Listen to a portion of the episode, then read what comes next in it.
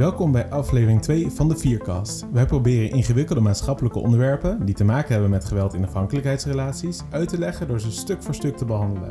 Deze aflevering gaan we het hebben over mensenhandel, een begrip waar ik eerst een heel ander beeld bij had. Uh, maar daarover later meer. Ik ben jullie gastheer Maarten Jan en met mij is Rob. Uh, Rob Kelder, kan je je voorstellen Rob?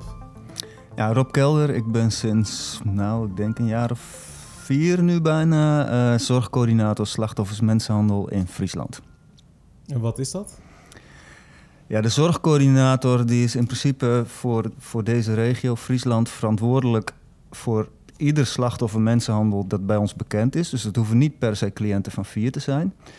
En wat we dan doen is, um, we zijn verantwoordelijk dat een slachtoffer de juiste zorg krijgt als het nodig is. Maar wat we met name ook doen is het afstemmen van het straftraject, strafrechtelijk traject, het verblijfsrechtelijk traject als dat aan de orde is en het zorgtraject. Um, die drie trajecten, strafrechtelijk, verblijfrechtelijk en uh, Zorg. Daar gaan we nog op terugkomen. Maar ik zou uh, eerst even de aanleiding van deze podcast willen noemen. Namelijk Service Request. Dat komt er weer aan, begint binnenkort. Uh, misschien is het al begonnen ten tijde van de publicatie van deze podcast. Maar ze gaan het dit jaar dus doen over mensenhandel. Of ze schenken aandacht, roepen op tot aandacht voor mensenhandel. Um, Rob, kan je uitleggen heel kort wat mensenhandel is?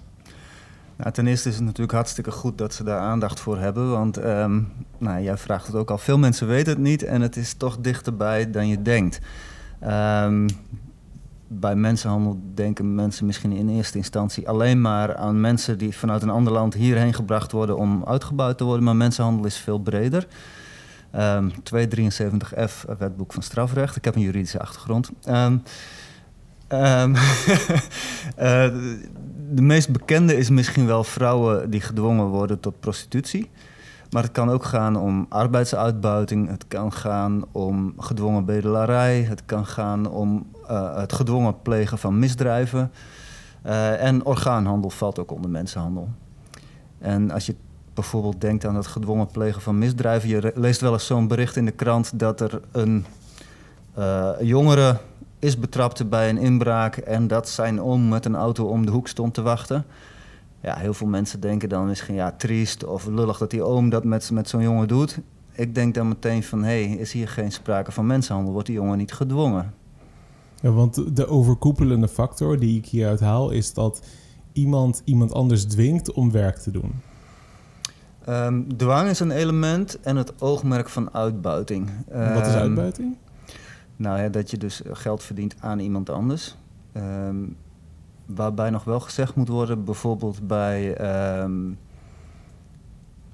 uh, minderjarigen die uh, in de prostitutie zitten of sekswerk doen, daar hoeft dwang niet bewezen te worden. Dat is gewoon per definitie mensenhandel. En bij een volwassene boven de 18 zal dwang bewezen moeten worden om tot een bewezen verklaring mensenhandel te komen. En waarom is dat zo dan dat het voor minderjarige mensen anders geldt?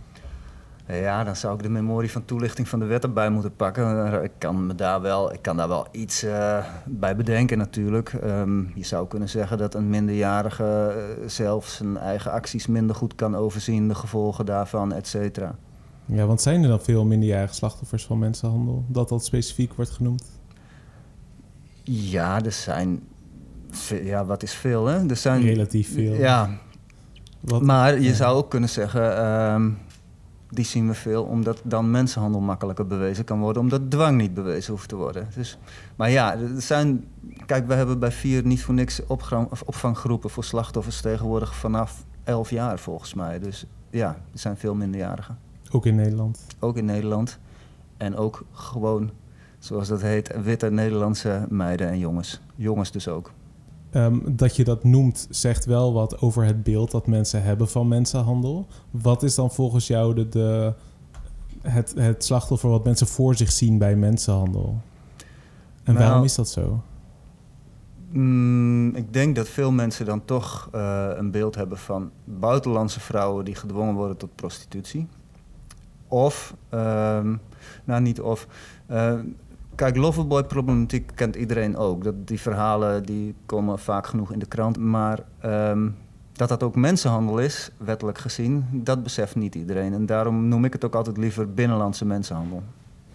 In tegenstelling tot. tot loverboy-problematiek. Want dat klinkt me eigenlijk nog een beetje te lief. Want er zit dan het woord liefde ook nog in. Uh, terwijl daar eigenlijk uh, geen enkele liefde bij komt kijken. Tenminste, niet vanuit de dader. Nee, want zoals je al zei, het gaat dan om uitbuiting van iemand. Geld verdienen onder dwang over de rug van diegene om. En dat heeft niks met liefde te maken. Nee.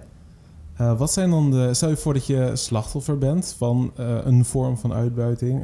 zoals degene die wordt uitgebuit door een, een loverboy of slachtoffer is van binnenlandse mm mensenhandel. Wat, wat voor gevolgen kan dat met zich meebrengen? Wat voor impact heeft dat? Nou, dat, dat heeft impact op vele gebieden. Vaak wordt iemand behoorlijk geïsoleerd van de eigen omgeving. Dus dat is al een effect. Uh, je ziet gebroken schoolcarrières, uh, ja, allerlei uh, signalen van trauma, slapeloosheid, uh, ook lichamelijke klachten uiteraard. Dus ja, het is een heel scala van uh, zaken. Dus zelfs als jij um, gevonden wordt als slachtoffer, dan is het niet zo als een krantenwijk, je stopt ermee, je bent er vanaf. Of hoe, want je, je, gaf eerder aan, ja, je doet strafrechtelijk, uh, verblijfsrechtelijk en, en zorgrechtelijk. Ja. daar komt dus nogal wat bij kijken bij zo'n uitbuitingsslachtoffer. Ja, over het algemeen kun je toch wel stellen dat mensen allerlei klachten krijgen hierdoor. Um, al geven ze dat zelf niet altijd meteen toe. Ik, spreek, ik kom ook heel veel op AZC's waar ik uh, mensen spreek die ook slachtoffer mensenhandel zijn. En dan vraag ik ook van ja, heb je klachten? Uh, gaat het psychisch wel goed met je? Ja, nee, ik heb nergens last van. Dan hoef ik maar één vraag te stellen. Hoe slaap je? En dan is het antwoord altijd heel slecht, nachtmerries. Dat is al een begin van, ja, er is toch wel wat aan de hand. Ja, want uh, waarom denk jij dat die mensen dan niet willen zeggen dat het niet goed met ze gaat? Herkennen ze dat niet of ligt daar meer aan ten grondslag? Nou, soms leggen ze die connectie niet. Um, in sommige culturen is het ook zo, psychische problemen, het bezoeken van een psycholoog, dan wordt al snel gezegd, ja, je bent gek. Nou, niemand wil gek zijn, dus dat doe je niet. Dus ik moet mensen er dan ook echt wel van overtuigen, ook met dit soort klachten, ga naar de dokter. Wat zien we hier in Nederland veel? Je noemde al binnenlandse uh, mensenhandelsslachtoffers als zijn uh, slachtoffers van loverboys, wat een bekendere term is. Zien we nog andere vormen van uitbuiting die we in Nederland terugzien, die herkenbaar zijn? Ja, zeker. Uh, je hebt natuurlijk wat je al zegt, de slachtoffers loverboys, maar je hebt ook toch wel veel volwassen slachtoffers, Nederlands en buitenlands, van werk in de seksindustrie. Um, veel arbeidsuitbuiting zie je ook. Dat wordt over het algemeen toch nog wel wat minder erkend of herkend. Um, het is soms ook een beetje een schimmige grens tussen wat is nu gewoon slecht werkgeverschap en wat is nou eigenlijk uitbuiting. Dus dat, dat, daar is dan ook wel discussie over. Maar je kan ook hele. Um, kijk, dat iemand vanuit een ander EU-land bijvoorbeeld, want die mogen in Nederland werken, dat die dan op een boerderij of in een kas of zo wel het minimumloon krijgt, dat wil nog niet zeggen dat het helemaal goed zit. Want vaak zien we ook dat mensen gehuisvest worden door degene waar ze aan het werk zijn.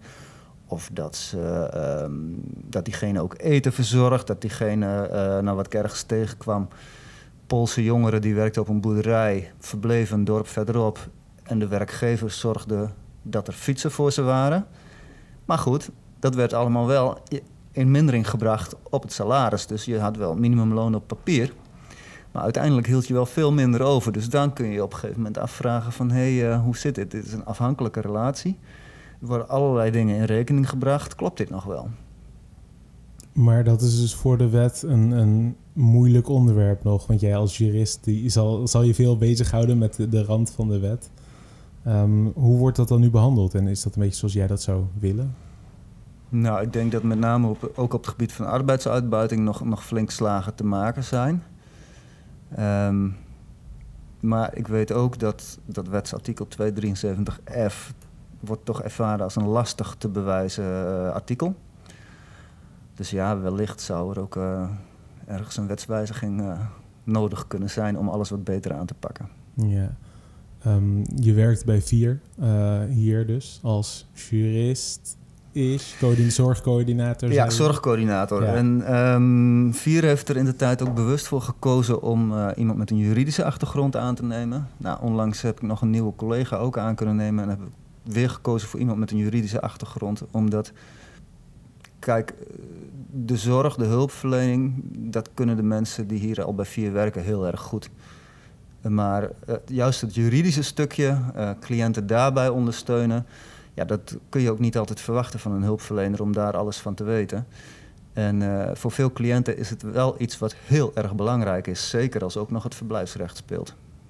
want zou je misschien aan de, aan de hand van een casus kunnen uitleggen hoe dat in zijn werk gaat als iemand aanklopt voor hulp bij Vier of aangemeld wordt? Ik weet niet precies uh, hoe dat werkt in uh, jouw vakgebied. Um, en ja, dan moet ik wel meteen vragen. Uh, wil je het dan hebben over een, uh, ja, niet, een Nederlander of een niet-Nederlander? Um, dat is, wat vind jij relevant? Waar zou je zelf voor kiezen? Dat is, uh, ik ben niet de expert. Dat ben nou, ik kan wel even heel kort de verschillen benoemen. Ja, um, stel, een, een Nederlands slachtoffer klopt aan voor hulp of wordt aangemeld voor hulp. Dan gaan natuurlijk de collega's, hulpverleners, psychologen, et cetera, aan de slag prima. En uh, vanuit zorgcoördinatie geven we dan met name ook een stukje voorlichting over goh, wat er gebeurd is. Um, onder welk wetsartikel zou dat strafbaar kunnen zijn? Nou, bij vier hebben we toch over het algemeen mensen die slachtoffer zijn geworden van seksuele uitbuiting, zeden-gerelateerde dingen. Um, dus ga je kijken, uh, is het mensenhandel of is het zeden? Welk politieteam moet ik eventueel inschakelen? En je gaat ook het slachtoffer voorlichten over het hele aangiftetraject, de voor- en nadelen daarvan, hoe lang het kan duren. En dan gaat het slachtoffer zelf, maakt altijd de keuze, wil ik dan aangifte doen of niet? Nou, wil diegene dat, dan gaan we dat organiseren met de politiediensten die we goed kennen. Dat is bij een Nederlands slachtoffer. Een buitenlands slachtoffer van buiten de EU mag in principe natuurlijk niet in Nederland zijn. En dus ook geen aangifte doen? Jawel, aangifte doen kan altijd. Oké. Gelukkig. Um, maar uh, iemand mag in principe hier niet zijn, dus je zal ook moeten kijken naar het verblijfsrecht. Nou, met wat mitsen en maren, maar dat wordt allemaal iets te technisch, denk ik. Um, leidt in principe een aangifte mensenhandel met voldoende aanknopingspunten. Leidt voor zo iemand tot een tijdelijke verblijfsvergunning. Zeer tijdelijk, dat wel, maar op die manier wordt, wordt een vorm van verblijfsrecht gecreëerd. Dat is eigenlijk voor hun op dat moment het allerbelangrijkste, want anders worden ze gewoon het land uitgedonderd. En kunnen ze dus ook geen hulp krijgen van psychologen. Dus voor die buitenlandse slachtoffers van buiten de EU, die hebben eigenlijk niet de vrije keuze of ze aangifte willen doen of niet. Dat moet gewoon. Wat voor impact heeft het dan op zo iemand? Want als je ehm, niet zeker. Maar als, als er twijfel is over het doen van aangifte, dan zal dat mhm. niet zomaar zijn. Waarom, waarom twijfelen mensen over het doen van aangifte? Nou, um, het aangiftetraject is niet makkelijk voor een slachtoffer. Uh, je moet natuurlijk wel echt je, je verhaal compleet doen. Um, wordt flink doorgevraagd door de politie. Terecht natuurlijk. Um, maar ook iets wat heel terecht is, kan wel heel zwaar zijn voor een slachtoffer. Uh, ze krijgen ook wel eens het gevoel dat de politie ze niet gelooft. Nou ja, daar kan ik dan nog een rol in spelen door uit te leggen waarom de politie doet zoals ze doet, want dat heeft echt wel een, een, een doel. Um, maar vervolgens um, gaat er een traject in werking wat, als ze geluk hebben, leidt tot een rechtszaak na nou, een klein jaar.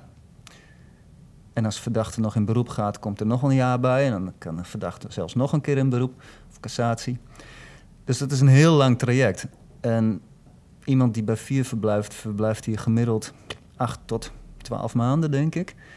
Eigenlijk zou je willen, dat willen slachtoffers zelf ook, dat ze na dat traject bij ons klaar zijn met alles. Dan willen ze niet dat door middel van een rechtszaak iets nog steeds weer opgerakeld wordt. Ehm, en wat een hele belangrijke ook is, is ehm, de rechtszaak. Uh, meiden vragen aan mij. Uh, ja, is die rechtszaak openbaar? Ja, een rechtszaak is in principe openbaar. Nou, dan hebben ze allemaal ooit wel eens gehoord ook over rechtszaken achter gesloten deuren. En dan moet ik iets uitleggen wat ik niet kan uitleggen eigenlijk. En dat is dat als de dader minderjarig is, ja, dan gaat het achter gesloten deuren. Jij als slachtoffer minderjarig bent, Nou, niet automatisch. Dus ik kan ze niet garanderen dat ze niet hoeven te komen in een openbare rechtszaak. De, alle partijen doen hun best om dat te voorkomen, maar ik kan het ze niet garanderen. Zou ik het ze wel kunnen garanderen, dan denk ik dat meer meiden aangifte zouden doen. Dat is nogal wat voor zo iemand. Je, je hebt al een traumatische ervaring gehad en dan komt er ook nog een heel circus bij kijken. Ja, want in een openbare zitting, daar mag gewoon iedereen bij zijn. Hè? Pers, familie, uh, familie ook van de verdachte. Uh, hele schoolklassen mogen op de publieke tribune gaan zitten. Ja, dat is, echt, dat is wel wat. En dan wordt dus wel... Um, nou, in principe, hopelijk hoef je zelf niet te getuigen... maar het dossier wordt wel gedeeltelijk voorgelezen... wat er allemaal gebeurd is. En je klinkt um, alsof je daar niet helemaal mee eens bent. Uh, hoe zou je het liever zien? Ik snap wel, uh, als jurist snap ik het belang uh, dat rechtspraak openbaar is, uiteraard. Maar zeker voor minderjarige slachtoffers zou ik willen kunnen garanderen dat ze niet worden opgeroepen ja. om te getuigen ter zitting. En heel vaak hoeft het niet hoor. Maar ja, ik moet, ze van, ik moet vooraf wel eerlijk zijn en zeggen: de kans bestaat dat. Ja. Oké, en dat is uh, onder andere dus een deel van onderscheid tussen buitenlandse slachtoffers en binnenlandse slachtoffers. Nou, dit, dit is meer ja, een onderscheid minderjarige. ja, ja, ja, Maar uh, heb je misschien een casus voor ons van een, nou, een, een binnenlands slachtoffer? Hoe gaat dat in zijn werk? Wat, wat gebeurt er? Wanneer kloppen ze bij jou aan? En wat, wat doe je dan? Nou, ze kloppen niet per se bij mij aan. In principe, het, het kan natuurlijk dat iemand via via mijn nummer heeft. Uh, de halve wereld lijkt wel met mijn nummer rond te lopen soms. Maar nou, in principe wordt bij vier iemand aangemeld voor opvang en behandeling. Nou, dan gaan we eens even kijken in het dossier of daar dingen in zitten waar je eens even over moet praten in verband met een straftraject. Ehm, maar wat wil jij weten? Jij wilt weten wat er dan precies met zo iemand gebeurd ik wil, is? Ik wil voor de luisteraar een beeld kunnen geven van wat er gebeurt als je slachtoffer van mensenhandel bent. Hoe je dan uh, verder wordt geholpen. Wat er dan met je leven gebeurt. Stel je voor dat je slachtoffer van mensenhandel mm bent en je wilt daar uitstappen. Wat, wat dan? Nou, het is in eerste instantie ook wel interessant misschien om even te vertellen dat... Um, ja, dat klassieke beeld van de loverboy... Um, tenminste zoals ik dat ooit eh, leerde, denk ik, van tv of zo, weet ik veel. De loverboy die maanden investeert in een meisje met een mooie auto... naar het schoolplein komt en cadeautjes geeft...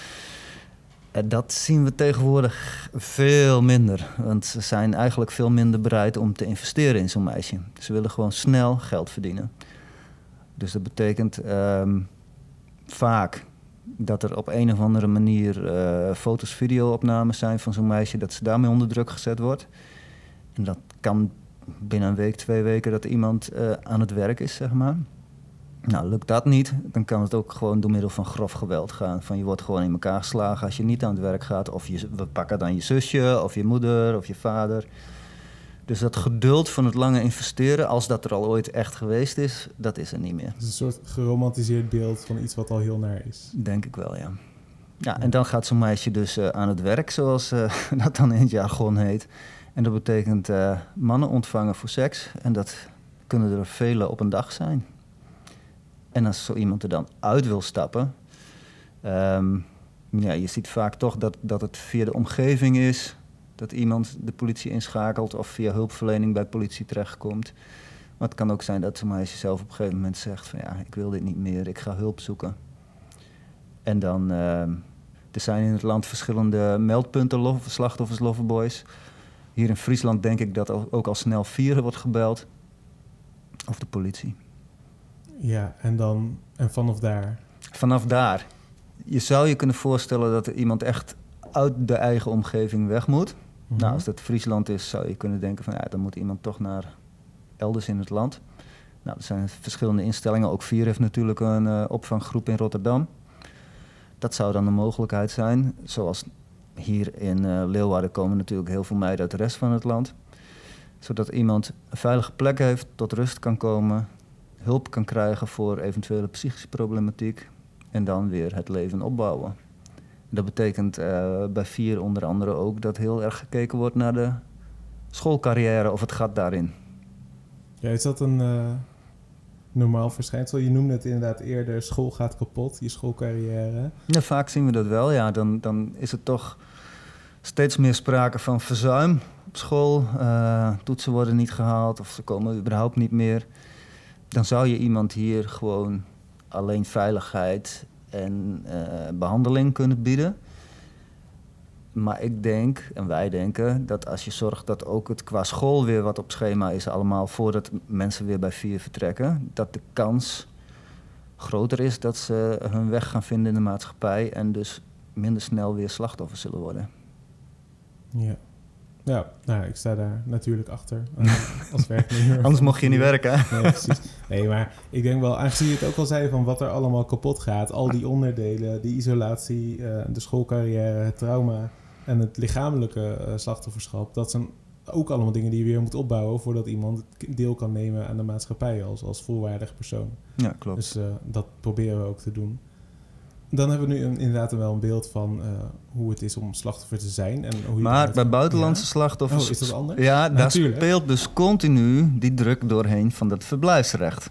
Ja. Want ik zei al, van, je krijgt dan in eerste instantie als je geluk hebt tegenwoordig, want er zitten nu allemaal haken en ogen aan sinds augustus. Maar laten we nog even van de oude situatie uitgaan. Je doet aangifte als buitenlands slachtoffer. Krijg je een tijdelijke vergunning. Mhm. Maar die vergunning is eigenlijk grof gezegd alleen maar zolang je van nut bent voor de politie. Dus op het moment dat de politie het onderzoek stopt, wordt die vergunning ook gestopt. En kan je inschatten wanneer dat is? Nou, soms is dat binnen een week. Zo. Soms is dat uh, na twee jaar. Um, maar het is dus wel een continue dreiging die boven je hoofd hangt van elke dag kan die brief komen. En wat dan? Nou, dan is er nog weer een vervolgvergunning die je kan aanvragen. Aanvraag duurt weer een tijdje, dan kan er dus weer continu een brief komen met slecht nieuws. Nou, zo gaat het nog een paar keer door. Dus die hebben eigenlijk, behalve wat er allemaal al gebeurd is, hebben die ook nog eens continu de druk van hé, hey, elke dag kan een brief met slecht nieuws komen. En dat staat behandeling soms wel in de weg. En is dat niet op zich dan al bijna een traumatische ervaring? Die stress dagelijks ja, dan ervaart? dat denk ik wel. Worden ze daar ook mee geholpen? Met het omgaan met die stress? Ja, tuurlijk. Dat, daar doet iedereen zijn best voor. Maar uiteindelijk, uh, ja...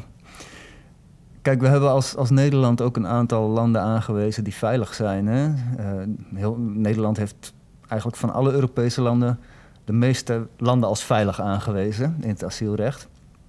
En um, dus dat vertel ik dan ook aan zo'n cliënt van ja, goed, als het echt niet lukt met de vergunningen, dan gaan we werken aan terugkeer. Want kijk, in jouw land zijn echt veilige plekken, et cetera. En op een gegeven moment zijn cliënten tegen me van ja, jij hebt gelezen over de leeuw, jij hebt de leeuw op video gezien, op de computer heb jij de leeuw gezien, maar ik heb gerend voor de leeuw. Dat is echt iets heel anders. Ja. Nou ja, dat begreep ik wel, ja. Dus dat komt er dan nog eens bij? Ja. Maar eigenlijk vanaf het eerste gesprek wat ik met een buitenlandse cliënt heb hier in opvang, gaat het ook over de reële mogelijkheid dat er geen toekomst voor ze is in Nederland en dat er aan terugkeer gewerkt moet worden. Ja.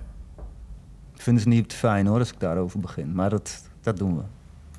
Uh, hoe is de verhouding tussen uh, slachtoffers waar je mee te maken krijgt? Dan zie je voor heel Friesland uh, dus opvang of coördinatie. Mm -hmm. Zie je, zijn het voornamelijk buitenlandse slachtoffers? Of, hoe, hoe Voor mij wel, omdat we, ik zei al, ik heb hier ook een collega en we hebben het werk een beetje verdeeld. Um, mijn collega doet vooral uh, intern hier de opvang en ik doe vooral extern, alles buiten, de, buiten het gebouw van vier. En ik zit dus ook veel op de AZC's. En in Friesland hebben we nogal een aantal AZC's. Dus ja, ik zie vooral buitenlandse slachtoffers. Maar als je naar de landelijke cijfers kijkt, dan zijn de meeste slachtoffers Nederlander. Dat um, vind ik niet zozeer uh, bijzonder, maar ik ben wel heel erg benieuwd hoe dat dan komt. Uh, natuurlijk zijn er veel meer Nederlanders, dus mm -hmm. is het ook uh, de kans groter. Maar hoe word je slachtoffer van mensenhandel? Waar, waarom gebeurt dat? Ja, Waarom? Uh, ja. Hoe, hoe, gebeurt dat zomaar? Het is niet van de ene op de andere dag. Het is niet dat ik morgen opeens een slachtoffer ben van mensenhandel, hoop ik. Hoe, hoe nee, ja, je, je, je kunt bepaalde kwetsbaarheden aanwijzen. Vier heeft een onderzoeksgroep en die doen daar ook vaak uh, onderzoek naar van goh, wat is nou een gemene deler, zou je kunnen zeggen. Um, een van de dingen is, zowel bij de binnenlandse als de buitenlandse slachtoffers, um, dat relatief vaak zien dat er ook sprake is geweest in de vroege jeugd al van vroegkindelijke traumatisering. Dus misbruik, geweld, verwaarlozing. Dat is één van de dingen. Zijn er nog andere dingen? Ja, eigenlijk zou je dan iemand van de onderzoeksgroep een keer moeten uitnodigen, want ik ken ze allemaal niet precies, maar ik, ik weet dat ook een groot percentage van slachtoffers bijvoorbeeld een pestverleden heeft. Ja. Wil natuurlijk niet zeggen als je gepest wordt, word je automatisch slachtoffer, et cetera. maar, de correlatie bestaat. Dus dat lijkt het op. Ja. En dan, en dan is het dus vrij uh, niet discriminatief. Dus het kan letterlijk iedereen overkomen als de, de, de kaarten verkeerd vallen, om het zo maar te zeggen. Dan um, kan je in contact komen met mensen die jou zouden uitbuiten. Ja, als je kijkt naar de Nederlandse slachtoffers, dat is echt wel een doorsnee van de maatschappij, denk ik. Ja. Uh, buitenlandse slachtoffers zie je toch wel een oververtegenwoordiging natuurlijk van mensen uit landen waar het gewoon heel slecht gaat. Dat is eh, logisch. Er zijn allerlei redenen om daar te vertrekken. Ja. En weet jij ook uh, hoe mensenhandel ervoor staat in Nederland. Want we hebben nu dus deze Serious Request eh, eh, actie. Mm Zij vragen aandacht voor mensenhandel. Uh, de eerste paar keer dat ik het woord mensenhandel las, dacht ik aan mensen smokkel. En volgens mij is dat een veelgemaakte fout. Mhm.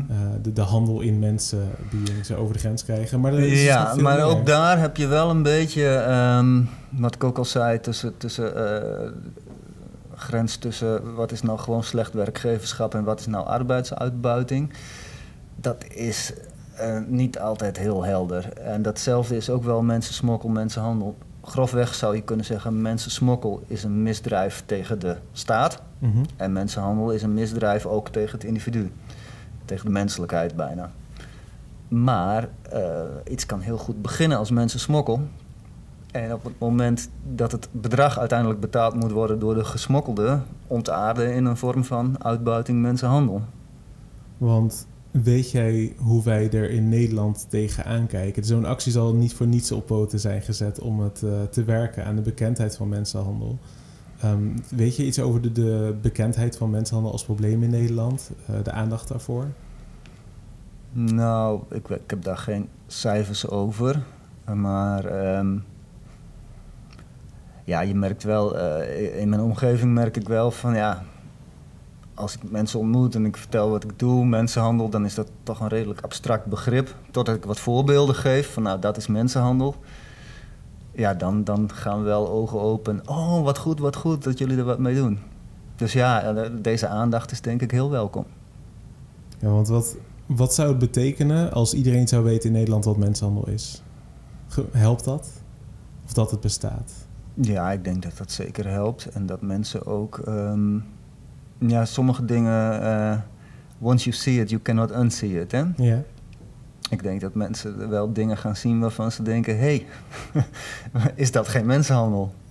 Maar ja.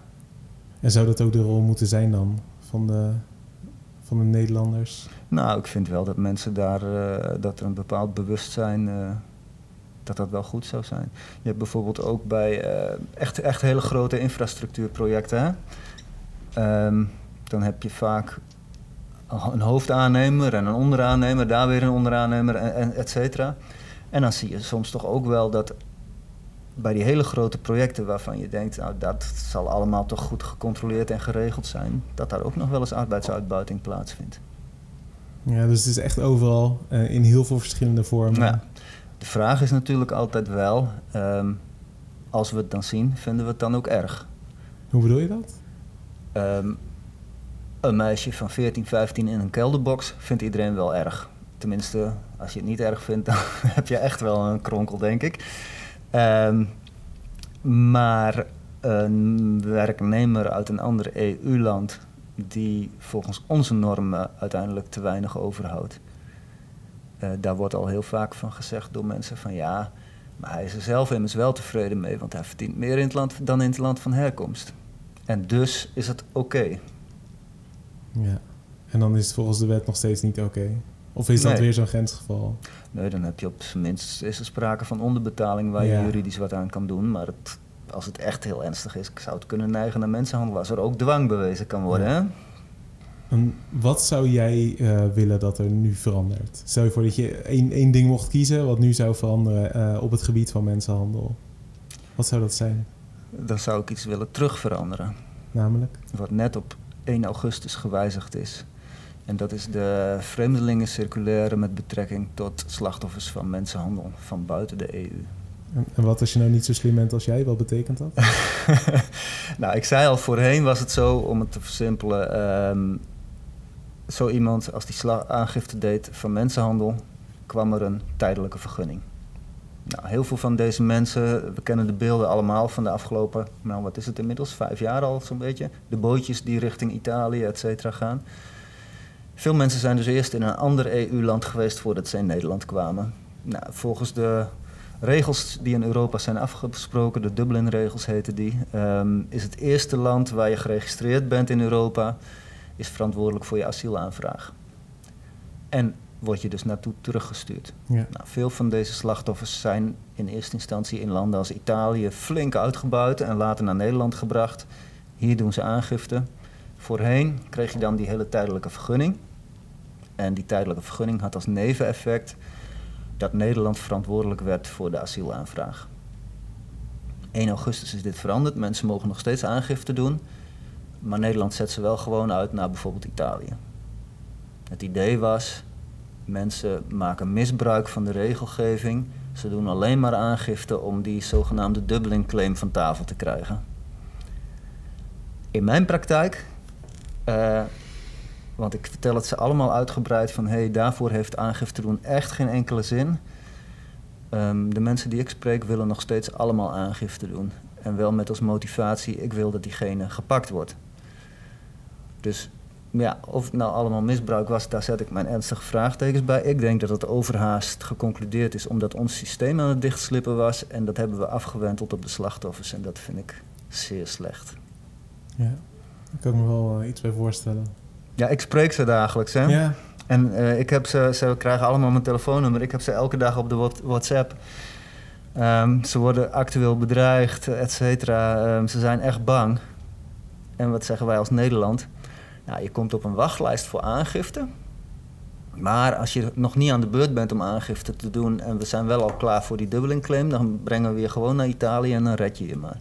Ja, nou dan denk ik dat het des te beter is dat we wat meer aandacht krijgen ja. voor mensenhandel. Uh, zodat ook de, de, ja, de, de, gewone Nederlander die hier zich niet mee bezighoudt, snapt wat het is en wat, wat het voor gevolgen heeft voor mensen. En dus ook voor buitenlandse slachtoffers. Ja. Uh, en, en het hele juridische proces eromheen, hoewel het nog steeds vrij complex is, moet ik zeggen. Het is heel complex en helemaal als het stukje vreemdelingenrecht erbij komt, want dat is gewoon een heel complex rechtsgebied. Het staat ook wel een beetje bekend als het Wild West van alle rechtsgebieden, dus er wordt ook veel geprobeerd door overheid ook. Maar het is dus een heel interessant rechtsgebied. Ja. Is er nog iets anders wat je kwijt wil, waarvan je denkt, dit moeten mensen die dit luisteren echt weten over mensenhandel? Nou, um, op papier zegt Nederland, wij stellen het slachtoffer centraal bij, bij de aanpak van mensenhandel. En ik vind op vele gebied, zowel bij Nederlandse slachtoffers als bij buitenlandse slachtoffers, dat daar in de praktijk te weinig van te merken is. De bedoeling is er misschien wel, maar in de praktijk heb ik het gevoel dat toch de opsporing veel meer centraal staat dan het slachtoffer. Dat uh, vind ik een heel mooi onderwerp om misschien een volgende aflevering nog eens op in te gaan. Maar voor, de, uh, voor nu is het, het genoeg. Um, ik zou jullie allemaal aanraden om je wat verder in te lezen nog in mensenhandel. Want naast wat wij verteld hebben, is er veel meer informatie beschikbaar. En uh, kom je meer te weten over de wondere, wazige en, en vooral zorgwekkende wereld van mensenhandel en hoe breed dat is. Uh, op zich zijn we blij dat Serious Request hier aandacht aan besteedt. Um, en dat er meer mensen over mensenhandel leren, want dat maakt ons werk ook weer makkelijker. En hopelijk uh, helpen, worden vooral meer slachtoffers geholpen denk dat ik wel zo kan. ja, en bij twijfel of zorgen over iemand, uh, ga bellen met Vier of met een andere organisatie die er verstand van heeft om even te sparren. Wat is hier nou aan de hand? Wil je meedenken, et cetera? Ja, nou dankjewel Rob. Uh, dat was hem voor vandaag.